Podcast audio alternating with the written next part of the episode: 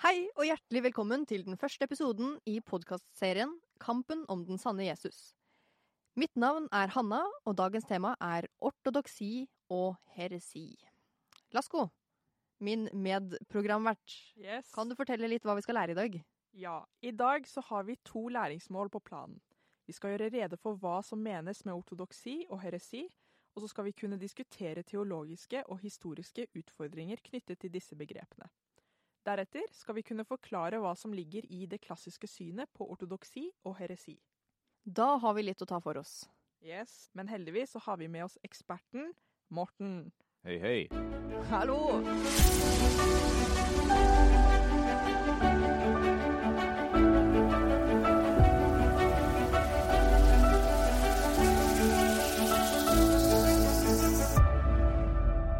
Morten, kan du forklare hva som ligger i begrepene ortodoksi og heresi? Ja, la oss begynne med ortodoksi, da. Det er jo et begrep som ofte blir forveksla med litt ulike ting. Og noe av grunnen kan være at man har ortodoks kristendom. Så når man hører ortodoksi, så tenker du å snakke om de ortodokse, så tenker du de østlige kristne ortodokse. Eh, men i dette emnet så bruker vi termen på en litt annen måte. Ortodoksi står da for rettroenhet, den rette lære. Og så har du jo motsetninga, og det er kjetteri eller heresi. Som betyr egentlig avvik, falsk lære. Så det er jo sånn at man, man har jo ingen ortodoksi, ingen rett lære, uten at det er en gal lære. Så dette er jo to begreper som gjensidig utfyller hverandre.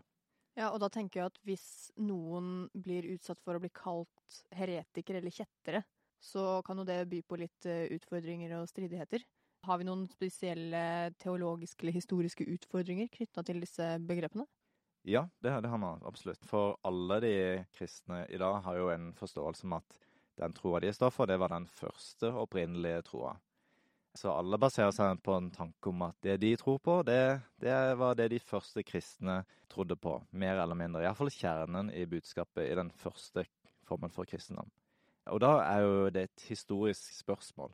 Kan man dokumentere at det var sånn helt fra starten av?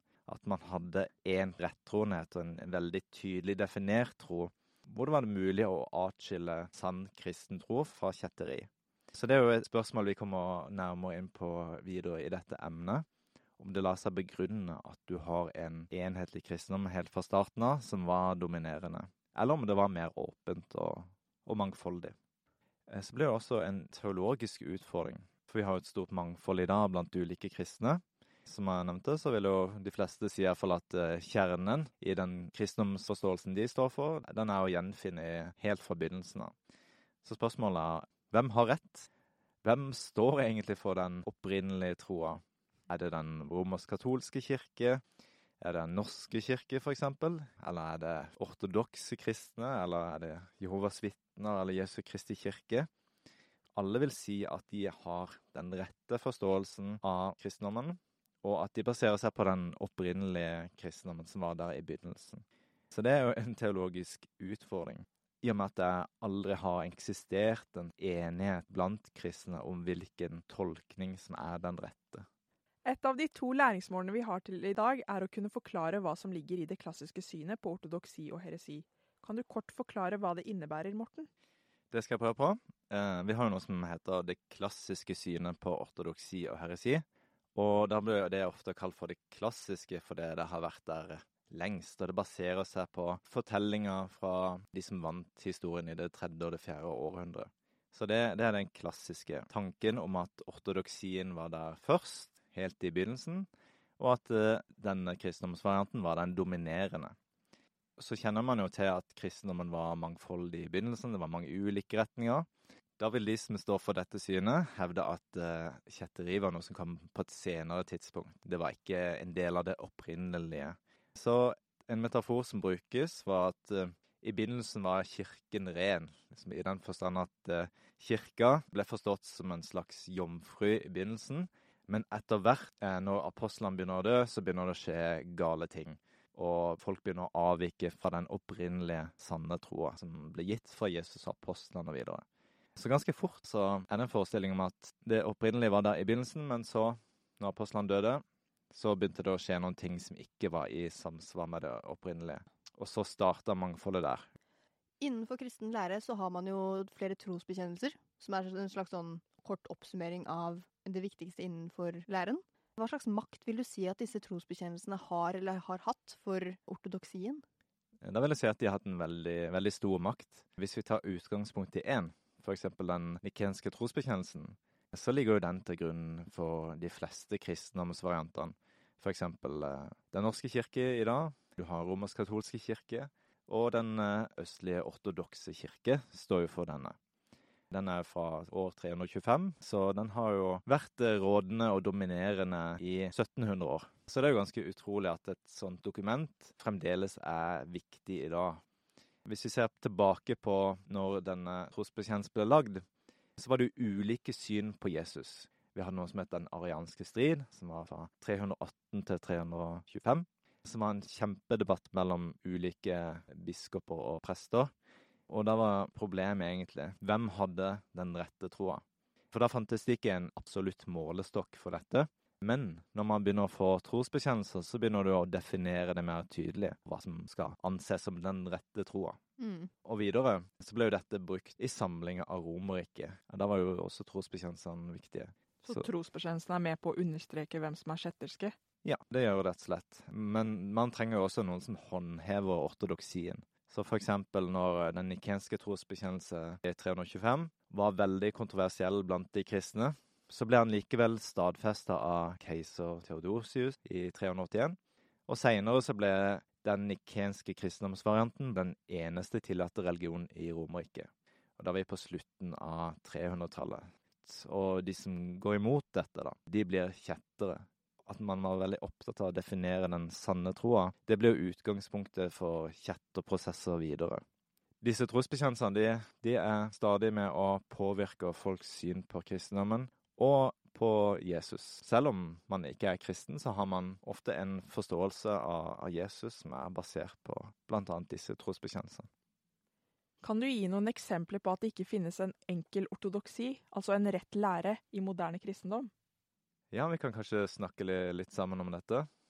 Hva, hva syns dere? Fins det grunnlag for å si at det er én ortodoksi i Norge, f.eks.? Jeg kan jo ta det litt på individnivå. Så mange kristne det finnes i verden, eller i Norge, så har jo alle sitt utgangspunkt, sin menighet hvor de har fått kanskje trosopplæring, sin familiebakgrunn, og alt som ligger til grunnlag for hvordan en selv har lært eller valgt å tolke Skriften, da. Så jeg vil jo tro at det finnes et mangfold. Ja, så når du har så mange mennesker med ulik oppfatning, så tenker jeg at det må bli konflikt. At det er vanskelig å kunne slå fast én rett lære, da. Og I tillegg til det så har du mange ulike retninger innenfor kristendommen, og det er fordi de har ulike former for ortodoksi.